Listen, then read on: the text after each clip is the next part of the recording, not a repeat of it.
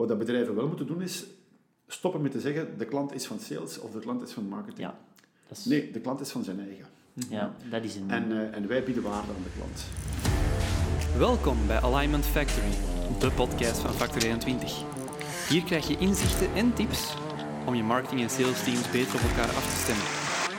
Eén centrale gast, drie stellingen over de mindset, processen en technologie achter marketing en sales alignment. Let's go!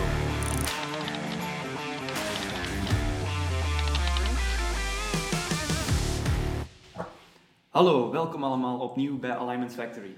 Ik ben Stefan en zoals altijd heb ik Nico aan mijn zijde. Dag Nico, ben, Stefan. ben je al wat bekomen van eh, de wervelwind Ik ben die bijna- aanblaze? Ja, ik ben bijna bekomen. Ik ben klaar voor de volgende wervelwind, dus eh, ik kijk er naar uit. Ja. ja, voor zij die het niet bekeken of beluisterd hebben, Michael Amblay, de grote salesguru van Vlaanderen en omstreken, was onze eerste gast. En ook vandaag heb ik opnieuw een bijzonder interessante gast bij. Een ware BV ondertussen. Eh, sommigen kennen hem als de goedlachselector op KDG, de UA en dergelijke. Anderen kennen hem als de auteur van het boek dat Philip Kotler en zijn principes van de marketing het vuur aan de schenen legt. Maar de meeste Vlamingen kennen Philippe de Kleen als halve finalist van de Mol. Dag Philippe, alles goed? Stefan, absoluut alles Klaar goed. voor. Ik ben er helemaal klaar voor. Ik hoop ook te mogen wervelen. Ja? Ja, Ja. Absoluut. rekenen op, hè. Oké. Eh, elke aflevering beginnen we met een icebreaker, een kleine, snelle vraag waarmee dat we alles op gang krijgen, de flow draaiende krijgen, flow, flow marketing. Philippe, ik ga je een vraag stellen die dat totaal niks te maken heeft met deze podcast. Oké, Ehm, doe. en, en ik denk dat heel molkijkend Vlaanderen het wilt weten. De proef met de domino-steen. Ja, Heb je die ex- expres omvergestomd om je verdacht te maken? ik heb die proef eigenlijk... ehm, ik heb mezelf zo verdacht mogelijk proberen eh, opstellen. Dus ik heb tussentijds wel een aantal keer hier en daar dingen omgestoten. Maar op dat moment zelf heb ik eigenlijk net voor ik alles omgestampt heb, eigenlijk, heb ik kleine blokjes die een soort van verdedigingslijn waren tegen het volledige omstoten van alles eigenlijk. Heb ik die wel weggenomen, dus dat heb ik wel gedaan eigenlijk. Maar toen alles viel, dat was niet de planning eigenlijk. Mijn planning was om het net iets te laat, iets te laten doen. Ja. Maar ehm, het is een combinatie van beide. Maar het blijft een mysterie voor iedereen natuurlijk. En eh, het heeft me wel uiteraard wel voordeel opgeleverd in heel de reeks. hè. Ja. Ja, uiteindelijk tot, dat- tot eh, de halve finale Absoluut. geraakt. Bijna, ik, was, ik was bijna in de finale gerold, zonder te weten wie de mol was. Het was eigenlijk fenomenaal. Ja, Ja. nie- niemand wist het. Hè. Niemand wist het, dus die heeft eigenlijk niet veel mee kunnen. Alhoewel, toch misschien een beetje Chance. mee kunnen. Ja. Chance, chance, absoluut. Chance. Voilà. En, chance en gaan in het leven natuurlijk. Ja, voilà. Ja, De wereld is weer een mysterie armer. absoluut. Oké, Filip. ehm, elke aflevering van Alignment Factory is opgebouwd uit drie stellingen. Ja. Rond mindset, processen en technologie achter sales en marketing alignment. Eh, we gaan meteen in die eerste stelling duiken, de stelling rond mindset. Eh, en elke stelling draait rond flow marketing. Het boek dat jij hebt geschreven, dat ondertussen Kotler in veel instanties vervangen heeft zelfs. Mhm, Ja. Ehm, dus, je hebt dit boek geschreven ter vervanging van uw naamgenoot Philip Kotler. Klopt. Ehm, en je schrijft dat, u, dat de mindset die Kotler in zijn boek eh, bevangt eigenlijk niet meer past binnen de moderne mindset. Ehm, dus, dus wat is er juist veranderd in die jaren en welke impact heeft dat op hoe dat wij sales en marketing moeten bekijken vandaag? Wel, Die mindset, eh, je moet je inbeelden, die eh, theorie van Kotler is geschreven in de jaren 80, 90. Heel straf, heeft hij de wereld mee veroverd eigenlijk. Ehm, toen ik het boek begon eigenlijk, mentaal, was dat 2015, 16. Mhm. Ben ik aan beginnen denken. Ja, die mindset is op die, eh, die twee generaties, bijna 40 jaar, ongelooflijk veranderd. Hè. En er zijn een paar grote elementen die eh, aan de basis liggen. Eerst en vooral, ja, die klantenreis, die customer journey, die kun je eigenlijk nu op verschillende manieren gaan doen. En technologie is daar een hele belangrijke driver voor. Hè. Waar vroeger uw klassieke klantenreis was gewoon in de winkel of met een salespersoon. Dat waren nu twee grote aanknopingspunten zeg maar, om eh, toch intensief contact te hebben. Zie je vandaag dat eigenlijk die, klant, die klantenreis op heel veel verschillende mogelijke platformen kan, kan gebeuren. Dus dat is al één element rond mindset die, die een groot verschil met zich meebrengt. Want als je enorm veel mogelijke klantenreizen hebt, heb je ook heel veel meer mogelijk ja, aanhakingspunten. Dat is één groot element. Het tweede wat eigenlijk Kotler helemaal eh, niet belicht heeft, is eh, het feit dat merken vandaag kunnen communiceren met klanten zonder dat ze echt heel zwaar in de market zijn. Dus ik ben aan het oriënteren, maar ik wil nog niet kopen. Vroeger had je er eigenlijk vrij weinig voor, behalve wat catalogie of zo. En nu hebben we heel dat spectrum van, van content hè, en van conversie, waarbij dat we klanten kunnen helpen in hun klantenreis. En vroeger was dat eigenlijk bijna onbestaande. Dus dat is een geweldige shift, shift in mindset. En een derde om, de, om daarop in te spelen is voor marketeers zelf eigenlijk, waarbij dat, uh, de mogelijkheden die ze vroeger hadden om, om klanten te beïnvloeden, B2B, B2C, maakt niet uit, uh, die waren beperkter. En vandaag zie je eigenlijk een gigantisch groot arsenaal aan mogelijkheden. Mm -hmm. En het is die complexiteit die ongelooflijk aantrekkelijk is voor marketeers, heel uitdagend. Maar die ook, en dan komen we bij die alignment, die ook voor die alignment eigenlijk extra ja, problemen met zich meebrengt. Mm -hmm. Omdat je juist op heel veel velden moet gaan, gaan inspelen, waarbij dat je sowieso datakennis moet hebben, maar ook een deel strategisch inzicht en intuïtie. En als je dat over twee afdelingen moet spreiden, wordt het eigenlijk wel een heel complexe cocktail. Mm. Dus die twee decennia tussen pakweg begin 80 en dan 2020 eigenlijk, dat is twee decennia eigenlijk, ja, die, of twee generaties, dat is onwaarschijnlijk die grote sprong. Dus vandaar mm. dat ik geprobeerd heb om, om een, nieuw, uh, ja, een nieuw paradigma te maken, een nieuwe mindset. En dat is eigenlijk redelijk goed gelukt. Dus uh, ja. het wordt nu heel vaak gebruikt als, als basis, ook voor, voor lokale ondernemers die zeggen van oké, okay, ik wil in marketing een eerste stap gaan zetten of mijn, mijn zicht gaan verbreden. Heb je daar toch rond mindset een eerste aanhakingspunt in? Ja, en ik vind dat een interessant punt. Ik denk dat zo het, wat je zegt, de, het, het idee dat we misschien in de jaren tachtig de volledige controle hadden, hoe dat we iemand van uh, een awareness-fase tot in een conversiefase konden doorduwen, ja. dat, lineair, dat lineair idee is eigenlijk volgens mij ook volledig weggevallen. Uh, dus we staan niet meer in controle van hoe, dat we, hoe dat we klanten uh, zelf kunnen binnentrekken. Heb je dat, want je geeft nu veel les, maar heb je dat in, in al die jaren dat je in het bedrijfsleven hebt gestaan, heb je dat zien, heb je dat zien veranderen? Waar, waar dat, dat, heel traditioneel zeggen van, zo gaan we mensen van punt A naar punt B naar punt C trekken in hun beslissingsproces, in hun reis om, om een aankoop te doen. Ja. Um, waar we 100% in controle zijn en waar we eigenlijk de dag van vandaag, we kunnen wel contentlagen uh, maken voor die verschillende fases, maar toch, de, de controle zit bij die eindklant. Ja, absoluut. Een, een, een fantastisch voorbeeld is de reissector. Ja. Ik heb nog een periode bij Thomas Cook uh, Neckerman als, als marketingdirecteur gewerkt. Ja, wat zie je daar eigenlijk voor die, in die oriëntatiefase uh, voor een reis? dat mensen heel vaak gebruik gaan maken, eerst en vooral van bekende merken, bekende reismerken, maar als ze evengoed naar een booking.com gaan gaan om reviews te gaan bekijken. En dat bekijken van reviews is net iets waarbij marketeers voor een deel de controle helemaal uit, uit handen hebben gegeven. Ja. En uiteraard heb je andere merken zoals Coolblue enzovoort en Amazon die, die daar ook gebruik van maken, van die reviews en die ratings. En ja, dat is een deel controle als marketeer die je niet meer hebt over de zoektocht van je klanten. Dus uw, uw klant is veel meer ongrijpbaar geworden, die is veel meer fluide geworden. En dat is een van die grote, ja, gigantische veranderingen. Ja. Uh, nu, het is wel zo dat eigenlijk... Ik, ik heb marketing gedaan van, uh, van eind jaren 80 tot... Uh, ja, dat is een mooie transitie. Hè? Het is een mooie transitie. ik heb echt van old school naar new school meegemaakt. Ik doe het nog altijd vandaag. Um, vroeger had je zeg maar de idee of de, de illusie van controle. Ja.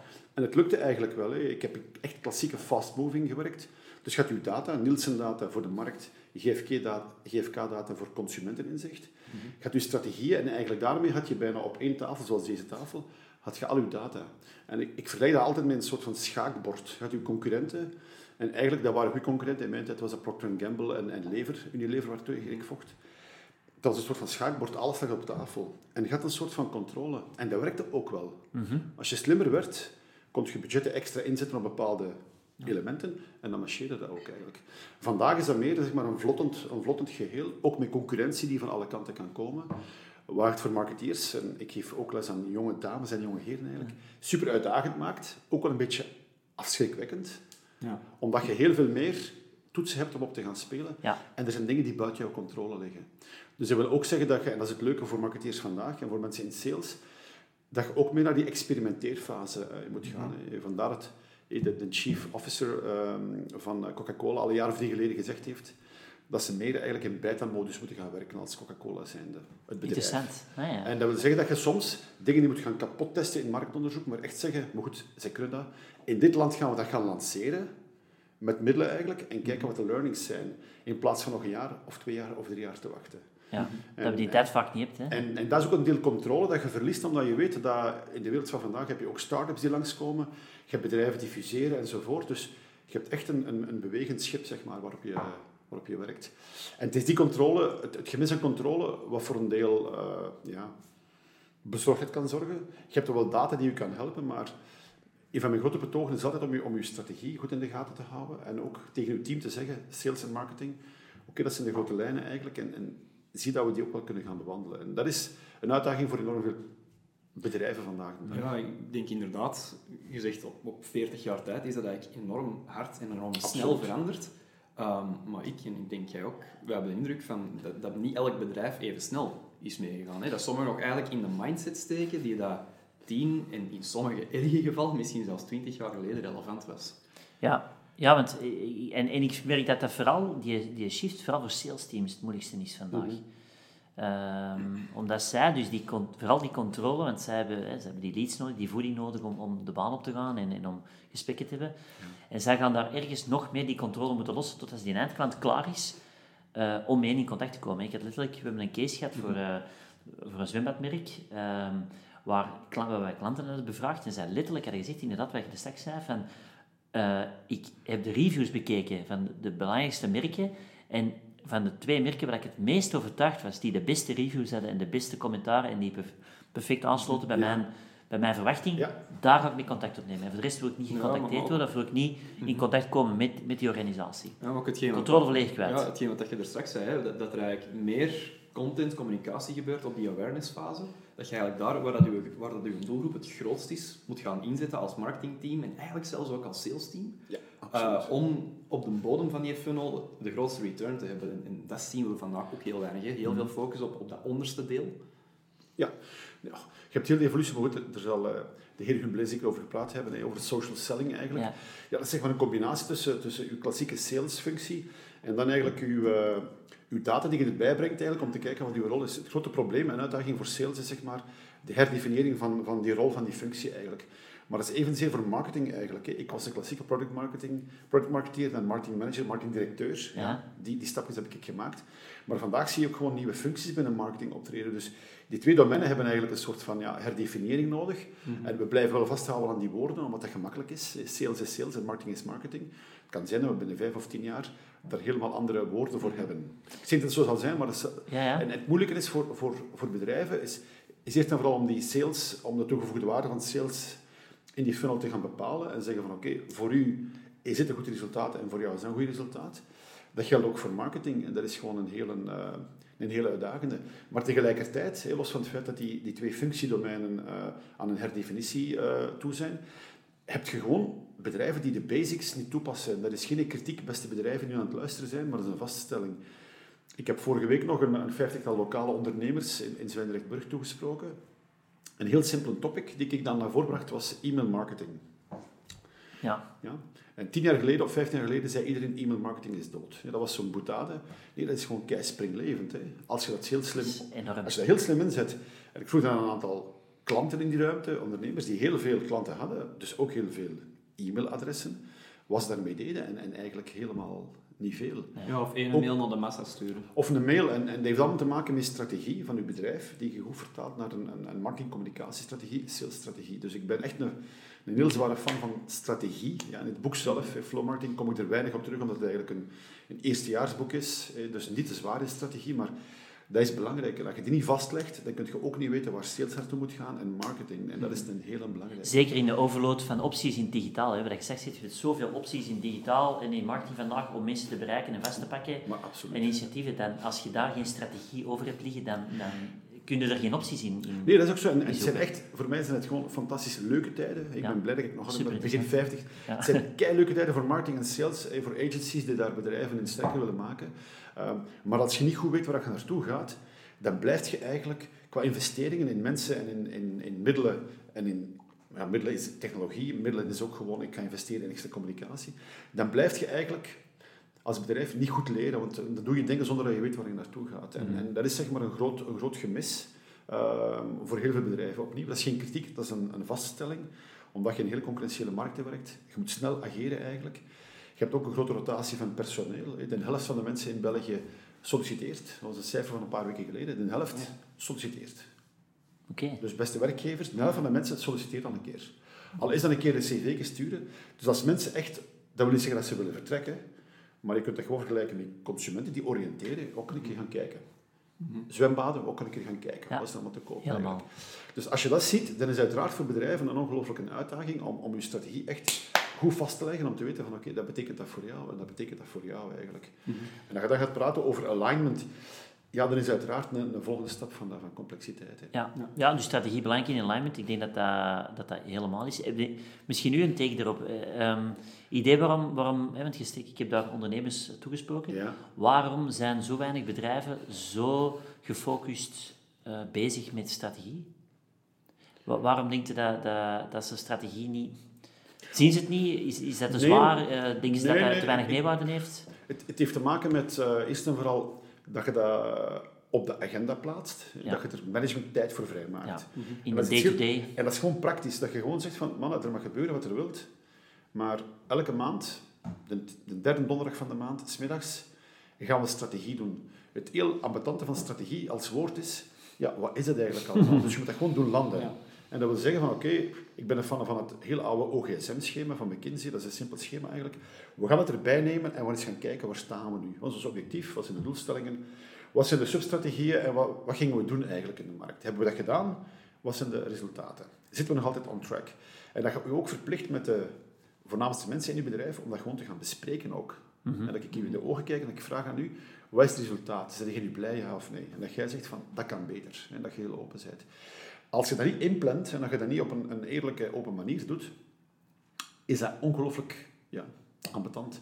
Want dan is je bedrijf bevangen door de waan van de dag. En de waan van de dag is dat er elke, elke dag gaat er een klant op uw website komen kloppen, de deur moet open, de winkel moet open, er is te verkopen, er is service en je gaat gewoon door. Ja, En je leeft mee in het tempo van... eh, Ja, absoluut. En, en dus opnieuw, er is geen kritiek op bedrijven, maar het Nee. puur te maken met het vrijmaken van managementtijd en ook eerlijk zijn in jezelf, dat je zegt, als ik dit er op een goede manier wil doen, moet ik af en toe gewoon een stap terugpakken. Ja. En dat kost tijd. En dat is duur natuurlijk. Hè. Ja, dus ik, ik denk inderdaad, eh, om, om deze stelling misschien even af te ronden, het komt erop neer dat veel bedrijven gewoon een stapje terug moeten nemen, zien van oké, die consument vandaag, dat is geen rechtlijnig, ge- geen rechtlijnige buyer's journey niet meer. Nee. En daar moeten we op anticiperen, we moeten, we moeten dat stapje terugpakken om onze strategie te, te herbekijken, onze interne organisatie. Ja. En, en dan inderdaad beginnen spelen.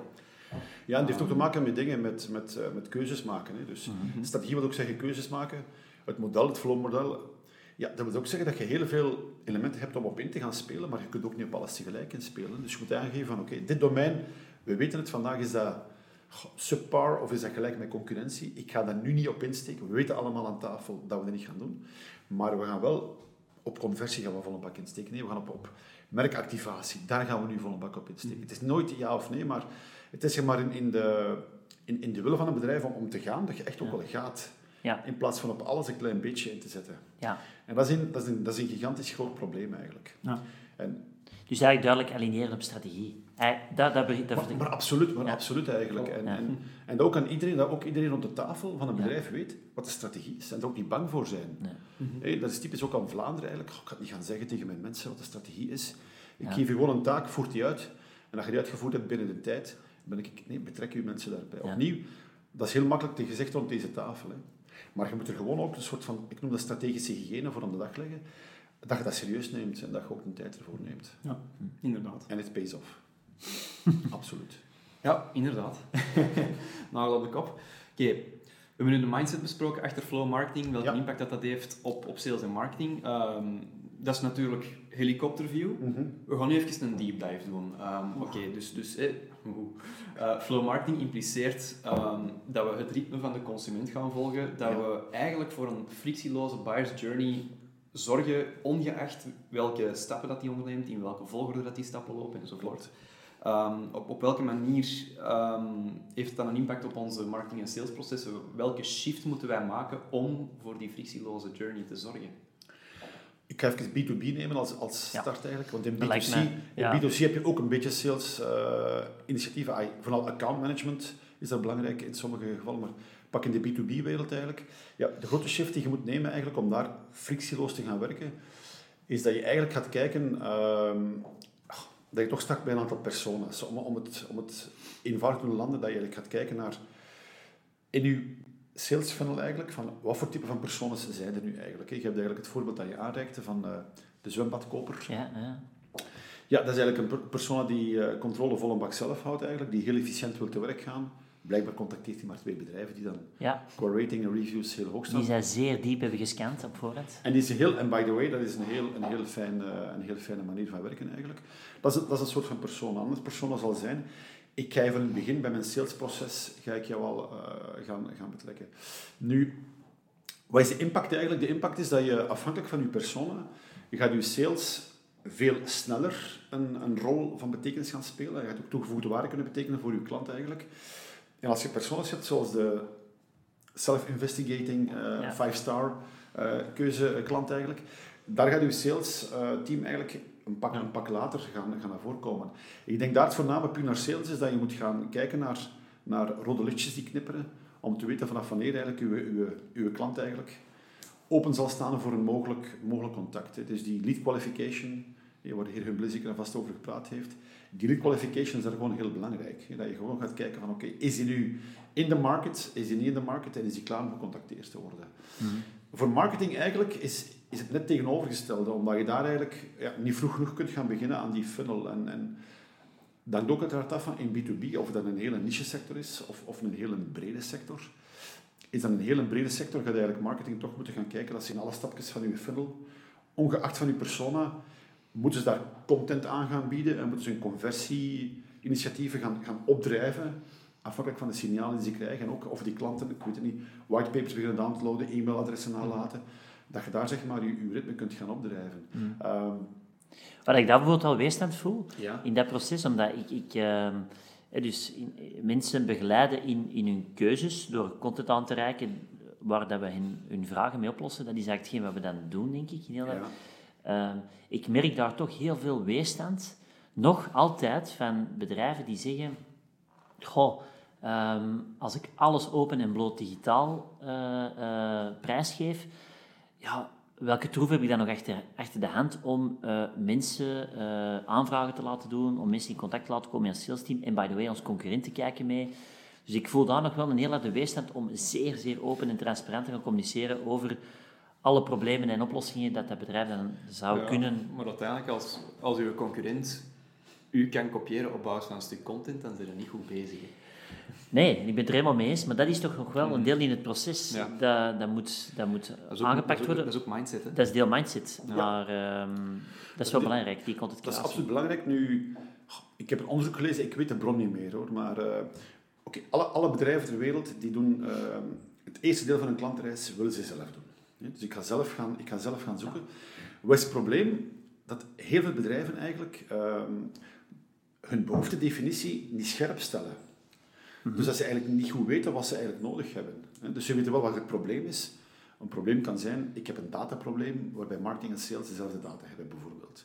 Of ik heb een mobiliteitsprobleem. En dan gaan ze zeggen van oké, ik ga toch een keer gaan zoeken naar, naar ik geef een onnozel voorbeeld, naar extra auto's of extra fietsen. Terwijl het probleem niet extra auto's en extra fietsen is, maar misschien is het probleem een probleem van lokalisatie of, of een mobiliteitsprobleem dat je moet gaan oplossen. Dus mm die behoeftedefinitie is een hele belangrijke eigenlijk. En, en daar kunnen sales teams onwaarschijnlijk in, in, in gaan helpen. Mhm. Alleen gaat het nooit helpen om tegen bedrijven te zeggen je weet niet wat je, wat je wilt, want dat is uiteraard een hele arrogante manier van spreken. Mhm. Maar heel veel bedrijven gaan een eindje op weg, of je met inkopers werkt of niet, dat maakt niet uit eigenlijk, om toch zoektochten te gaan plegen, waarbij nader toezien blijkt dat ze eigenlijk gezocht hebben naar verkeerde oplossingen. Dus uw kan erin in, in helpen, absoluut. Nu, om terug te komen op jouw opmerking uh, rond weerstand bij bedrijven, die zeggen van oké, ik ga niet alles... Etaleren. Etaleren. Ik kan een heel gek tegenvoorbeeld geven, hè, maar het is, het, is een, het is eigenlijk een oneigenlijk voorbeeld. Uh, wat doen de mensen van Coolblue, weet dat is een retailer, die, zeggen gewoon, die geven gewoon alles weer. Ja. Dat product is daar goed voor, is echt daar niet goed voor. Hè. Dat product is daar goed voor, is daar niet goed voor. Ja. Ik wil de bedrijven nog zien die zeggen van oké, mijn oplossing A Mhm. Service of product, maakt niet uit eigenlijk. Dat is goed voor dit en dit en dit, maar dat is echt niet goed daar en daar en daarvoor. We hebben het heel vaak over authenticiteit. Hè. In mhm. marketing en sales. En authenticiteit heb ik ook in het handboek beschreven eigenlijk. Uh, dat je eigenlijk doet wat je zegt, zegt wat je doet eigenlijk. En dat je er heel transparant in bent. De winnaar op termijn is een het bedrijf die dat wel naar buiten brengt. Maar absoluut. Maar absoluut. Dat is een durven en ik denk dat Coolblue daar een heel, mooi, een, heel gekend, maar een heel succesvol voorbeeld in is. Ja, dat zij in die markt toch... Uh... Weet je, het, het, aantal leveranciers dat door klanten gecontacteerd wordt om een oplossing te bieden aan een probleem, dat daalt jaar na jaar, hè, dat weten we. Dus we gaan mhm. geen tien leveranciers meer bekijken. Het concept longlist bestaat soms niet meer. Hè. Als je, het voorbeeld van nu is zelfs geen shortlist, dan is de minilist eigenlijk. Dus als je dat weet, ja, dan is er voor mij maar één oplossing natuurlijk. Hè. dan moet je wel zien dat je zo snel mogelijk in dat zoekproces kunt relevant zijn. En hoe doe je dat? Dat doe je niet door je website op slot te zeggen, te Nee. plaatsen en, en gewoon een telefoonnummer erbij te plaatsen. Dat is bellen tussen 9 en Ja, 5. ja, inderdaad. Nu, opnieuw, dat is makkelijk voor mij te zeggen, maar dat is, dat is de enige weg die je kunt bewandelen. Hè. Dat is de Ja. enige weg die je kunt bewandelen. Ehm, Ja, wat ik, dat is- wat ik daar trouwens op Ja. aanvul, ik het interessant, want dan zeggen ze, ja, oké, we, we gaan de website op slot zetten, of we zetten hem Maar- open, maar we gaan heel veel content creëren. We Wat, wat is vijf, de re- vijf stukken data voor elk klein stukje dat je, wil- dat je wilt lezen. ja, maar wat is de return? Want we, we zien daar, hè, we zien dat heel veel mensen die content komen lezen, maar we zien, we zien niemand dat rechtstreeks converteert op die content. Wat dat logisch is natuurlijk. Hè. Ah ja. Wat dat logisch is, want ze zijn nog in de navigerende fase. Dus het, het aantonen van die ROI op die transparantie, dat is ook nog wel... Dat speelt ook wel mee, vind ik, in de discussie om, om, Absoluut. om, die, wees, om die weg te werken. Nee, dat klopt. En daar heb ik geen gouden antwoord op. Ik kom Nee. uit de periode, ik heb oldschool marketing gedaan, Ja. waar een ROI van een tv-campagne niet aantoonbaar was. Ah ja, natuurlijk. Beste media- en reclamebureaus was niet aantoonbaar. Ja. Ja. Nu komen we in een, in een wereld terecht waarin dat eigenlijk bijna alles aantoonbaar moet zijn. Ehm, mijn enige antwoord daarop is dat content is voor mensen die nog niet in de market zijn, maar wel aan, aan het bekijken. En ook voor mensen die in de market zijn. Dus dat is een hele moeilijke om te, gaan, om te gaan definiëren. Het enige wat ik zeg daar is, als je concurrenten ziet, en kijk niet enkel naar Vlaamse of Belgische concurrenten, maar internationale, die vrij veel prijs geven, dan moet je niet twijfelen. Alleen je moet kijken in je strategie in welke mate dat je vandaag een probleem hebt. Heb je, heb je een probleem met conversie? In welke fase van de funnel? Dan moet je weten waar je moet, moet, moet gaan inzetten natuurlijk. Hè. Het, het enige probleem is, eh contentcreatie heeft te maken met, met uw merk, heeft te maken met uw producten, uw diensten eigenlijk. Als die ongelooflijk snel roteren, ja, dan kan dat wel een keer een, een dure zaak zijn. Ja. Hè. Die lokale ondernemers die ik toesprak vorige week, Ja. eh, een ervan zei, ik heb elke week vijf nieuwe producten. Stevig. Dat is, Dat is eh, stevig. dat is heavy. Dus daar is uiteraard qua kapitaalsinvestering niet evident om, om elke week eigenlijk rond die vijf nieuwe producten vrij veel content te gaan maken. Ja. Ehm, dus je hebt er geen, geen passend antwoord op, ook niet. Ja? Want Nee, anders hadden we met z'n drieën eh, Bora Bora gekocht en waren we daar gewoon aan het vissen in de zee natuurlijk, als je dat weet. Hè. Ehm, en, en dat is een beetje het nadeel van deze... Dat is puur postmoderne tijden eigenlijk, dat je alles wilt bewijzen met ROI. Wel, en dat is het probleem, dan ga je dat is tactieken het- toepassen die... En, en dat is een probleem van mindset. En als je dan komt bij het thema van, eh, van alignment tussen sales en marketing. Ja. Sales is een sector geweest en een afdeling in een bedrijf die altijd super meetbaar is geweest. En dat is een voordeel voor sales en tegelijkertijd ook een nadeel voor sales eigenlijk. Eh, en marketing heeft voor een deel nog altijd ja, een investering in de markt. Niet waarvan je hoopt, maar waarvan je denkt dat er iets uit gaat komen. Maar klanten die niet in de market zijn, maar die zich willen oriënteren, daarvan kun je nooit of ten ever glashard gaan, gaan aantonen wat een ROI is. Ja, je hebt tegenwoordig ook zo de dark funnel, hè, de, het stuk van, van de customer journey dat- waar dat je geen impact op hebt, wa- waardoor dat ook veel mensen zeggen van ja, attributie is eigenlijk een, een soort leugentje, hè, want ze, Maar- komen, ze komen binnen via Google Ads, maar wat hebben ze ervoor allemaal? Ja, maar het probleem is dat, dat heel veel mensen niet intellectueel eerlijk zijn. Hè. Dus al die ROI-calculaties, dat is een groot deel, is het eigenlijk gewoon puur uh, ja, Geruststelling. dat, dat geruststelling eigenlijk. Maar je gaat zeggen van oké, het is echt door dat stukje Dat dat was een de- aankoop gerealiseerd is. En dan heb je ook bedrijven die zeggen van oké, ik ga een aankoop hebben en ik ga nu die vier of vijf elementen die de aankoop hebben gerealiseerd, ik ga dat gaan berekenen enzovoort. Ja. En dan kun je zelf rijk of arm gaan rekenen. En eh, dat is dan betante van data natuurlijk. hè. Als ik u één datapunt geef, dan kunnen we erover babbelen. Geef ik u 100, dan kunnen we heel lang babbelen over 100 datapunten. En dat is iets waar we wel een soort van maturiteit in moeten gaan creëren ook. En dat je ook niet, eh zo wordt het Vlaamse woord, onnozel moet doen. Ja. En, en dat je gewoon een, een aankoop moet gaan, gaan, gaan proberen linken aan één elementje rond content of rond conversie of conversatie, zo je wil. Want ook in de wereld van conversatiemanagement eh, zijn er nu nieuwe trends eh, bezig. Of mini-trendjes die aan, het- aan het opkomen zijn. En dat zijn heel ambetante natuurlijk. Hè. En het is heel fijn hè, om, als je data hebt in een bedrijf, en dat je zegt, ja, maar dat is de waarheid, maar de waarheid bestaat dus niet, je beste vrienden. En, Nee. en, en dat is, dat is een ambetante. Volgens mij gaat dat wel zichzelf gaan kalibreren terug, dat we echt nu naar boven aan het gaan zijn van alles met data te bewijzen, van, van ik heb gelijk of onze strategie heeft gelijk. En dat je terug een beetje meer strategie en intuïtie erin gaat krijgen. Dan maakt het zoveel fijner Ja, ook. want hè. je- Ja, hetgeen- hetgeen ja. wat je er juist zegt van die buyer personas, dat is eigenlijk een concept dat al jaren, jaren, jaren er is. Er zijn heel weinig dat doen en als ze het doen, is het vaak zo, zo wat buikgevoel. Uh, terwijl hoeveel mensen, hoeveel marketeers stappen eens mee met de sales in een auto om naar klanten te gaan, om, om die te ondervragen. Sales heeft ook een gigantische impact op die buyer persoon. Die hebben alle inzichten, die zitten dagelijks met die mensen aan tafel. Absoluut. Dus dat, dat, is sowieso al een, een, joint effort om die te creëren en daaruit volgt die content creatie. Stel je voor dat je vier personen hebt. Dat is al veel, hè? Ja. Oké, okay, je moet er geen dertig hebben. En dat je daar eigenlijk je investeringen op gaat, gaat, gaat afstellen. Hè? Dus als je vraag is van, oké, gaan we nu in content vol een bak investeren? Ja, oké, kijk naar je personas. En dat je zegt van, oké, deze twee zijn voor ons bedrijf, in deze fase van de ontwikkeling van ons bedrijf, van onze lancering, niet zo belangrijk. Oké, dan ga je geen content wat minder gas gaan geven. Hè. Weten dat content uiteraard ook op lange termijn ripple effect heeft. Hè. En dat is het, dat is het leuke ervan. Hè. Content is voor mij niks anders dan uh, een winkel die langs de straat staat. Alleen heb je gewoon heel veel straten en heel veel winkels waar je voorbij rijdt. Mm -hmm. Je weet alleen niet wanneer ze voorbij rijden. En dat is het ambetant natuurlijk. Mm -hmm. Dus het is een deeltje onzekerheid die we willen uh, maskeren met data, maar je kunt niet alles uh, maskeren. Hè.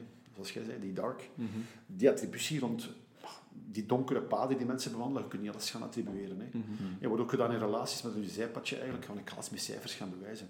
Maar je kunt niet alles met cijfers gaan bewijzen ja. natuurlijk. Hè. Nee, dat is een beetje, misschien... Uh, en dan, ja. sorry, ik onderbreek, maar dat is een beetje het nadeel van uh, de moderne marketeers die wij opleiden eigenlijk. Dat er heel veel data in zit, wat dat goed is eigenlijk. Maar je moet ook nog een deel intuïtie en strategie en inzicht hebben om, om, om op een slimme manier te kunnen echt goede beslissingen te gaan nemen. Ja. In plaats van dat een bedrijf alles een beetje gaat doen, een beetje dit, een beetje dat dat je radicalere keuzes kunt maken. Ja, hm. inderdaad. Ja. Veel werk aan de processen dus. Hè.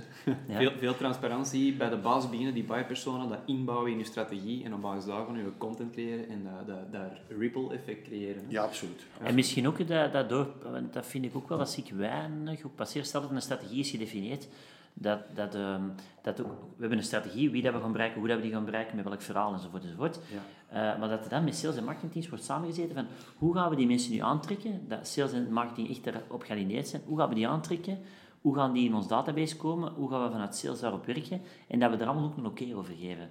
Dat dat gewoon op papier staat, Um, dat gebeurt, want dan zeg je, oké, okay, we hebben een strategie en marketing gaat er nu mee aan de slag gaan en wij zien wel wat er binnenkomt en we gaan ermee aan de slag. Maar er is niet duidelijk afgeleid van hoe, ga, hoe, gaan we die proberen te laten landen in ons verhaal en hoe gaan we op een slimme manier vanuit sales uh, op het juiste tempo daarop inhaken. Ja. En, en, dat is iets, en daar gaan ze dan snel over. Dat is, ja, maar dat zien we dan wel eens, dat we zullen eerst zien dat we ons campagnes live hebben en dat we... Ja, het, het gekke is, en, en, opnieuw, dat is geen kritiek, maar heeft te maken met uh, organisatiestructuur en efficiëntiedrang eigenlijk. Dus je hebt een strategie, die wordt dan wel vertaald naar wat betekent dat voor uw marketing en uw sales. Ik kan het even zo simpel stellen. En go. En dan zeg ik van, oké, Stefan, go met uw team. En dan ga je open met uw team. Want je hebt je eigen doelstellingen. Hè. We zijn allemaal doelstellingen gebaseerd. Uh, en de organisatiestructuren zijn meestal zo gebaseerd dat sales ook fysiek op een andere plaats zit. Uiteraard zijn ook fysiek buiten, heel vaak. Ja. Uh, maar als je niet regelmatige terugkoppelingen organiseert en alignment meetings hebt en, en, en geen duizenden data deelt, maar een paar data deelt met elkaar om te kijken of die alignment goed marcheert, mhm. ja, dan ga je gewoon je eigen weg. En dan is het heel ambetant om opnieuw samen die, die strategie mogelijk te gaan maken. Dus je hebt in de kern die alignment wel nodig hoor. Want het gekke is dat sales vanuit zijn context naar klanten kijkt en, en marketing ook. Mhm. Uh, maar je moet die je moet die wat samenbrengen natuurlijk. Hè. Dat is ook een organisatieuitdaging. Ja, want de organisatie heeft maar één doel uiteindelijk. Hè. Dat is een bepaalde groeiambitie en, en, en daaruit moeten we vertrekken. En, maar absoluut, en, en het leuke is... Dat is grappig en altijd. Ik, ik heb in salesteams gewerkt, in communicatieteams en marketingteams. Je hebt een dynamiek in een team. En uh, zo'n dynamiek, ja, die zorgt ervoor dat je bepaalde doelstellingen hebt, dat je bepaalde acties pleegt, mhm. die niet altijd in lijn zijn met, met je algemene strategie. heel veel heeft ook te maken met hoe, dat, hoe dat we bonussen gaan betalen. En ja, dat is het, als we heel eerlijk zijn, bonussystemen zijn nog altijd... Ik ben begonnen in, uh, in 90 met werken eigenlijk. Dat is nu al een goede 32 jaar geleden. De bonussystemen zijn vandaag volgens mij nog altijd gelijkaardig aan doen. ja. En uh, dat is fijn, hè, want uh, een salespersoon moet nog altijd voor deel op, op sales -huh gehonoreerd worden. Maar als je echt zegt, we gaan alignen en we gaan buyer-personas hebben, dan zou dat wel fijn zijn. Uiteraard, een buyer-persona is niet iets echt, hè, want je kunt, je kunt ook niet segmenteren op buyer-personas, wordt soms geprobeerd, maar een buyer-persona is niet echt een segmentatieding. Maar als je het bonussysteem ook zou laten afhangen van type van klanten, hoe dat ze hun, uh, hun funnel beleven eigenlijk, dat zou wel een fijne zijn bijvoorbeeld. Dat zou wel En dat zou getuigen van guts. Maar dan moet je tegelijk ook je marketing bonussen die iets minder bonussen krijgen dan salesmensen. Sorry marketeers, het is zo. Vaak ja. niet, denk ik zelfs. Vaak niet, nee, Ja. enkel van boven. Ja. Dat was wel fijn voor mij in die periode, in die periode, lange periode dat ik dat gedaan heb. Dat was heel leuk. Maar eh dan marketeers ook op, op bonus staan, of op zijn minst, dat zij ook die, die, die targets, dat ze daarmee kunnen volgen eigenlijk. Want uiteindelijk heb je maar, zeker voor B2B, ja, maar één belang, dat is dat je klant zo snel mogelijk frictieloos door in die funnel gaat, dat die behoeften goed gedefinieerd worden, wat hij nodig heeft, dat je een goede oplossing aanbiedt, dat de installatie van de product of die dienst dat dat goed gebeurt en dat de gebruiksfase prima is. En dat je dan een goede review zet voor je zwembad. En dat je goede review... en, nee, en, en die gebruiksfase is dan eigenlijk wat dat vandaag het belangrijkste is. Dat mensen ook zeggen, oké, ik ben er tevreden van of niet, enzovoort. En dat je daardoor eigenlijk kunt een, een, een uitademing effect hebben. Maar in principe hebben marketing en sales teams binnen de B2B-wereld dezelfde doelstellingen. En, en, en dat is wel een, eh, een ambetante. Het is bijkomend moeilijk, omdat eigenlijk marketing ja, heel veel domeinen bevat. Hè. Je hebt Ja. je content en je conversie, je hebt je omnichannel luik, je hebt je customer experience, wat een heel nieuw luik is. Hè. Customer experience, alle touchpoints gaan bekijken. En of die klant zijn taken goed kan uitvoeren, en of die tevreden is, en wat de pijnpunten zijn, enzovoort. Dus je hebt eigenlijk in de definitie zelf van je job heb je eh, een andere dynamiek. Dus je moet dat wel af en toe gaan samenbrengen. Ja, En- en, ik wil ook wel even die, dieper inzoomen op hetgeen dat je zegt van, van marketing met, met de verschillende disciplines die ze Ja. bevatten. Eh, en dat brengt ons ineens bij, bij de derde stelling van, van Ja. deze aflevering. Ehm, dus om, om een consument frictieloos door zijn buyer's journey te, te loodsen, zal ik maar zeggen. Ja. Eh, zegt je in je boek dat lead nurturing en marketing automation onmisbaar zijn. Ja. Ehm, nu, lead nurturing, je kunt dat heel goed doen, je kunt dat in, in veel gevallen zelfs ook bijzonder slecht doen. Eh, hoe ziet dat eruit in uw ogen, idealiter? Hoe ziet het eruit idealiter? Idealiter. Ja. In de, in de ideale wereld ga jij... Opnieuw, we gaan even buyer-personas pakken. Stel voor, we hebben er vier eigenlijk. Van zodra dat we eigenlijk een, eh, een digitaal aanknopingspunt hebben met een, een prospect. Hè. Dus hij gaat van suspect naar prospect. We pakken even de oude eh, terminologie eigenlijk.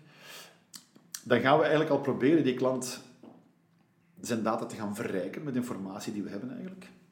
En along the way gaan we data erbij gaan brengen. Dus je hebt daar technologie voor nodig. Hè. Je kunt er niet zomaar even op een papier gaan doen eigenlijk. Dus als je zegt van oké, ik, heb, ik heb klanten die digitaal langskomen eigenlijk, ga ik proberen meer en meer die klant aan te halen en ga ik gewoon data gaan verzamelen over de klantenreis die die klant maakt eigenlijk. Om te gaan kijken welke sites gaat hij bekijken eigenlijk. Gaat hij whitepapers downloaden? Gaat hij een soort van quick scans, wat heel vaak aangeboden, gaat hij dat doen enzovoort. Eh, Dat is een element eigenlijk om, om zeg maar die klant rijker en rijker te maken qua data in je bedrijf. Eh, komt die klant fysiek land, langs, uiteraard moet je wel zien dat eigenlijk daar die contacten, en dat is een hele moeilijke Dat is een moeilijke, tegenwoordig, hè? Ja. Dat is een hele moeilijke eigenlijk, dat je die fysieke contacten ook gaat in het systeem brengen. En dat is toch altijd een heel ambetante. En uiteraard er zijn aanbieders die die informatie fysiek, digitaal en om dat mooi samen te brengen gaan, gaan faciliteren. Is niet altijd gemakkelijk. Ja. Dus technologisch is dat een uitdaging. Uh, maar dat is de manier om het, om het te gaan doen. Alleen, wat je heel vaak ziet, is dat bedrijven proberen uh, de heilige oplossing te vinden. Mm-hmm. En een groot systeem binnen te brengen. Ik kan u geen merken noemen. Ja. Terwijl ze dat misschien zelfs niet nodig hebben. Mm-hmm. Omdat ze misschien de klantenreis te complex opdelen in, in veel te veel stapjes. Hè. Mm. In mijn boekje beschrijf ik gewoon vier simpele stapjes. Hè.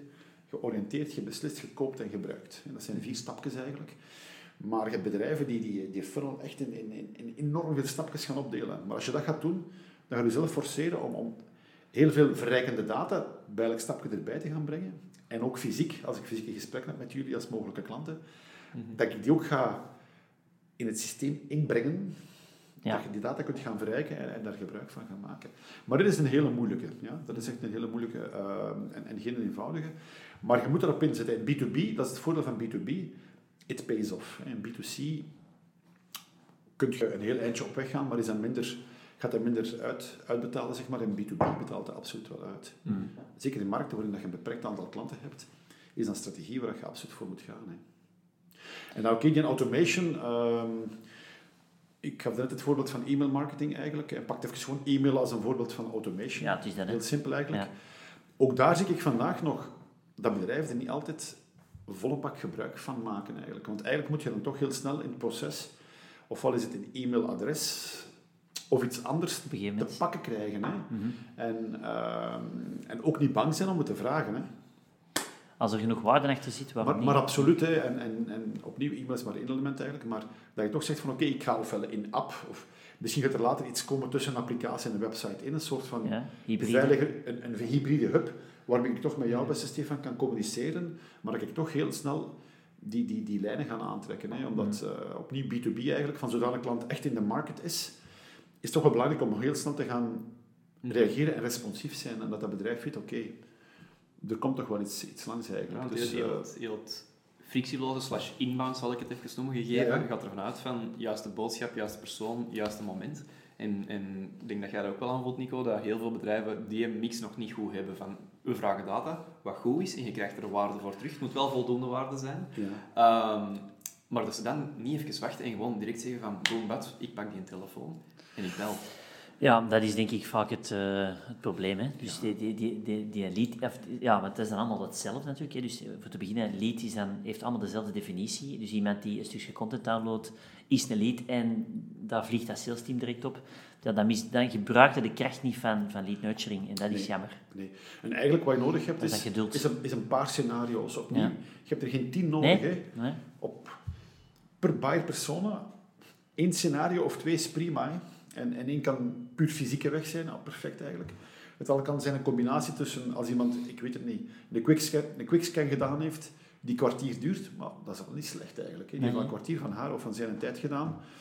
Weet je wat we gaan doen? We gaan een keer een e-mail erbij sturen met de naam van een sales, een gsm-nummer erbij, vrijblijvend. En drie dagen later krijgt hij sales dan zijn inbox van, bel een keer met je klant of stuur een keer een persoonlijke mail om te kijken. Een paar scenario's heb je wel nodig, maar niet mono-medium scenario's, een combinatie van e-mail of een in-app eh, communicatie of een fysieke telefoon. En, en dat je dat gewoon vastlegt ook. En dat je, Ja, wel, en dat is het ding, denk ik, dat vastleggen. En dat geeft ook een, een consistente, hoe moet dat zeggen, een consistente ervaring naar de persoon aan, aan de andere kant. Ja. Als je zegt van in technologie, in automation gaan we dat vastleggen, van we gaan, eh, als dit scenario zich voordoet met download iets, gaan we die op die manier inbellen, gaan we die mail sturen, Ja. gaan we op dat moment nog eens een keer inchecken.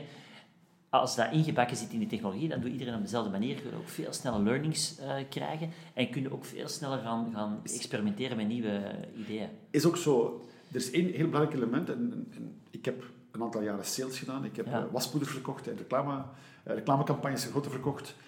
Je moet alleen kijken naar, de mensen die in sales zitten, dat je ook heel valoriserend naar hen toe werkt. En dat je niet eens van sales er een deeltje van het, van het scenario. Ja. En je komt toe morgens en om 9 uur komt er ploep, iets dat je, echt, dat je dat ook gaat omdraaien. En dat je aangeeft van oké, dit scenario gaat u helpen eigenlijk op het moment de gloire. Dat jij moet shinen. Dat jij weet van oké, die klant heeft dat traject afgelegd eigenlijk. En nu kun je gewoon alles wat in je Informatie. is, kun je op tafel gaan leggen eigenlijk. en, en dan kun je gewoon vol aan de bak gaan. Maar ik kom opnieuw op die behoeftedefinitie terug. Ik denk dat heel veel bedrijven dat onderschatten, dat als de klant op hun pad komt eigenlijk, dat ze toch nog een keer moeten teruggaan naar de stapje 1. Ja, en het, het gaat, eh, gaat alleen maar erger worden. Hè? Want, erger is misschien, misschien een groot woord, maar hetgeen wat je er juist zei, van, van hè, die transparantie is nodig, dat gaat ook alleen maar toenemen. Hè? Want we zien Mhm. eh, veel strengere regels, veel grotere behoefte aan privacy ook. Ja. Dus dat gaat maken dat je, dat je veel harder moet werken of veel meer waarde moet bieden om die data te krijgen. Je gaat die niet meer gewoon in, in je systeem kunnen ingeven. Er is dan de zogenaamde zero-party data, de data die mensen graag aan u toevertrouwen. Ja. Dus, dus inderdaad, het gaat een beetje een combinatie worden van die technologie en die transparantie dat je er juist hebt aangehaald. Hè? Ja, absoluut. absoluut. Mhm. En dat is ja... En, en het is echt een complexe wereld. Het is een fijne wereld, 2022, waarin we nu leven eigenlijk. Omdat je, omdat je heel veel uitdagingen hebt en, en je moet echt gaan kijken van oké, wat is die toegevoegde waarde van sales in het verhaal? En ik ben echt een, een gigantische fan van sales. Ja. Ja, ik ook. Ik denk dat, hij- Dat is- maar, eh, omdat de rol, de rol gaat schitterend worden de komende jaren. Dat Maar- kan echt adviseus worden. Maar absoluut. Eh, En, en, en je hebt ook voor een deeltje altijd technologie-aversie. En, en Ja. oké, dan moet, dan moet je opgeleid worden en getraind worden. Uh, maar je hebt gewoon heel veel meer tools om, om je klant te gaan, uh, te gaan bewerken. Wat dat bedrijven wel moeten doen is stoppen met te zeggen de klant is van sales of de klant is van marketing. ja, is, Nee, de klant is van zijn eigen. ja, dat is een... En, uh, en wij bieden waarde aan de klant. Ja. En, en dat is iets typisch aan bedrijven. En ik heb gelukkig in heel veel types van bedrijven mogen werken eigenlijk. Dat is altijd zo. Dat is mijn klant. Nee, dat is niet mijn klant. Mhm. Ja, en, en, en technologie, denk ik, kan ook wel helpen om terug over de gezamenlijke klant... Allee, of te zeggen van... De klant is niet van één of twee afdelingen, maar technologie kan wel een inzicht geven, denk ik, in wat de klant op zijn tempo allemaal aan het consulteren is, zodat zowel marketing als sales daarop Ja. kan acteren. Ja, absoluut. En dat vind ik, dat vind ik Ja, de, de interessant. technologie op sommige momenten kan zelfs zeggen van, beste sales, als je dit document in je mail toevoegt, Dan kun je wel zien van, oké, op, op welke pagina heeft die persoon het meeste gekeken en hoe lang heeft hij erop gezeten. Je gaat terug vanuit de klant denken van, natuurlijk. dat is het pad dat hij aan het bewandelen is. Je ziet het ook. Maar uw usability-principes die je toepast op Ja. websites en apps, Ja, is- kun je ook gewoon toepassen op, op mails in de sales stuurt. Hè. Dat is Ja. juist hetzelfde. Hè. Want dan komt gewoon op een vierkantje of rechthoekje terecht. Zo, maar zo simpel is het ook. Hè. Ja, ja, dat is waar. En, en als je belt, ook daar oké, dat is dan oldschool bellen en, en gesprekken hebt, daar heb je klassieke opleidingen voor. Maar ook daarvan, wanneer breng je dingen aan? En opnieuw, het gaat over valoriseren van sales en niet van, je zit eigenlijk een mechanisch eh, touchpointje in, een- in een hele klantenreis. Maar dat je dat gewoon eh, verrijkend maakt. En, en dan, dan wordt dat gewoon super fijn natuurlijk. hè. Want je kunt niet blijven extreem naar, naar, naar data-afhankelijkheid toe gaan. De klanten gaan nog altijd willen, eh kom ik er binnen en, en laten we eens kijken hoe we met elkaar kunnen hebben. Dus heel dat eh, human-to-human verhaal, dat niet, gelukkig niet te groot geworden is, want dat is eigenlijk ook een, een, een, een raar concept. Maar dat wil eigenlijk zeggen van oké, at the end of the day ga ik nog altijd over mensen die met mensen contact hebben. En als technologie heel veel ehm, rust kan brengen voor een klant, in de zin van controle, want heel veel klanten hebben nu het probleem dat ze zeggen van goh, ik weet het niet goed, dus die willen zelf controle. Het gaat over controle eigenlijk. Als technologie dat kan oplossen, nou wel, dan kan sales en marketing zich eigenlijk op, dingen gaan. Wa- Wat zijn misschien, wat je hebt, controle, wat zijn voor u de...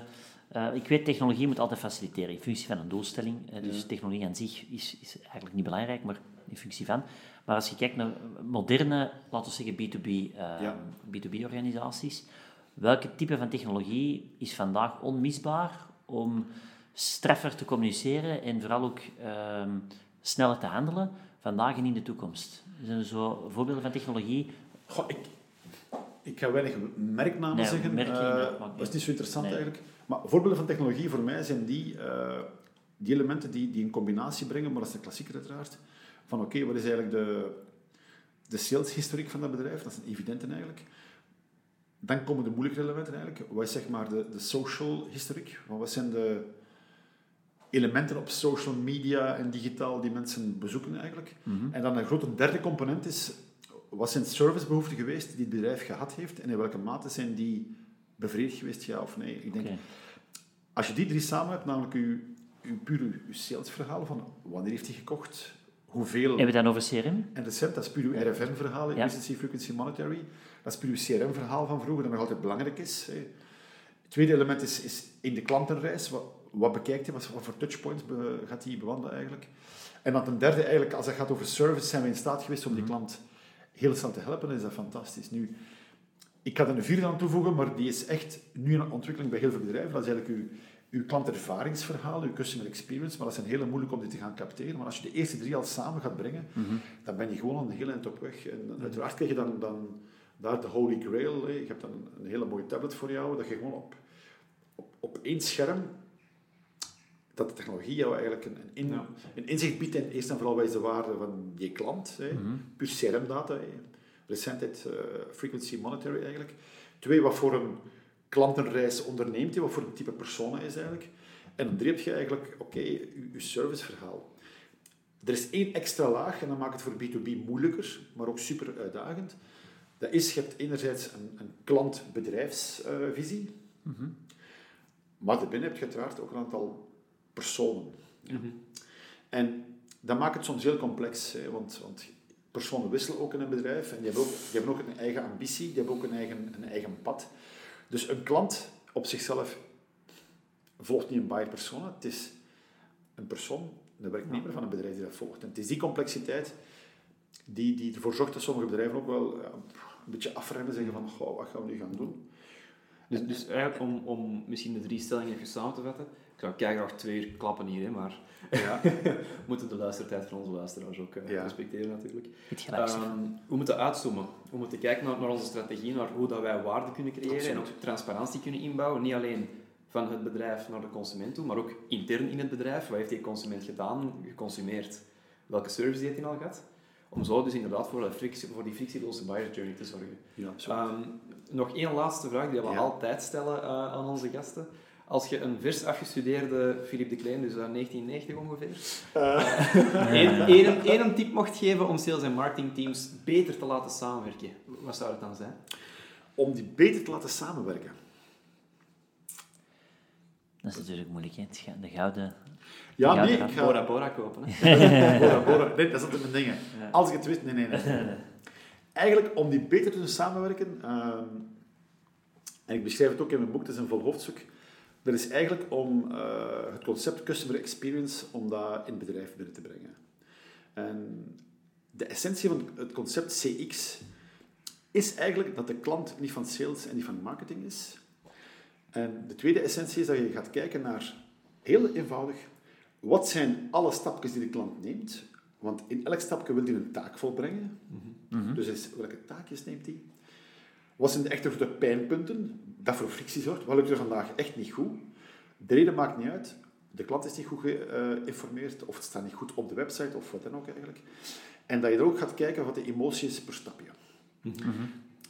Dat is CX voor mij, als daar marketing zit en hier sales eigenlijk, CX is, is hetgeen de teams samenbrengt. Omdat je dan eigenlijk, en ik ga dan een woord nemen wat niet gebruikt wordt, in, gelukkig, het geeft een holistische visie over je klant eigenlijk. En dan ga je gewoon gaan kijken, ja, die klant, die neemt die stapjes, by the way, die doet dat niet omdat hij dat plezant vindt. Hè. Want die wil dat gewoon snel doen. Die heeft heel veel jobs, die persoon. Dus die gaat stapjes nemen. Dat zijn pijnpunten eigenlijk. En die is blij of niet blij in die journey. Wat kunnen wij nu gaan doen? Ja. En dan begin je met je persona's, want elke klant doet dezelfde elementen. Dan ga je praten over content, dan ga je praten over sales, over conversie, conversatie en je bent vertrokken. Ja. Dus volgens mij dat is de, de, de, de is CX is, ja. is het CX-team. Dat is, een, dat is een Soudal, dat is een duct tape ja. van marketing en sales teams op voorwaarde dat er echt een, een goede, heldere strategie is en die eerlijk is. Mm -hmm. uh, maar die ook een beetje bold is. Hè. Je, je mag een beetje agressief zijn. Ik ben een fan van agressieve strategieën. Ja. Soms te ambitieus. CX is eigenlijk het antwoord. Ja, dus eigenlijk moeten we CX-teams creëren in de plaats van sales en marketing teams. Ja, absoluut. En wat je nu ziet als je op LinkedIn gaat kijken, is dat er uh, de laatste tijd meer en meer CX-catalysts, CX-architects, Inderdaad. CX-directors, en dat zijn dus de boys en girls die los van de vertic verticals mm -hmm. gaan die over, over, over, heel de lijn. En dat is fantastisch. En dat is uh, the way to go. Oké, okay. dat is fantastisch. Goeie tip, denk ik. Ik ga u alvast bedanken om hier aanwezig te zijn. Stefan, graag uh, Ik hoop dat kijkers, luisteraars het ook een boeiend gesprek vonden. Ik vond het al sinds enorm interessant. Uh, volgende aflevering hebben we opnieuw een zeer boeiende gast bij ons en die gaan jullie over twee weken mogen ontdekken. Tot de volgende keer. Bye. Tot ziens.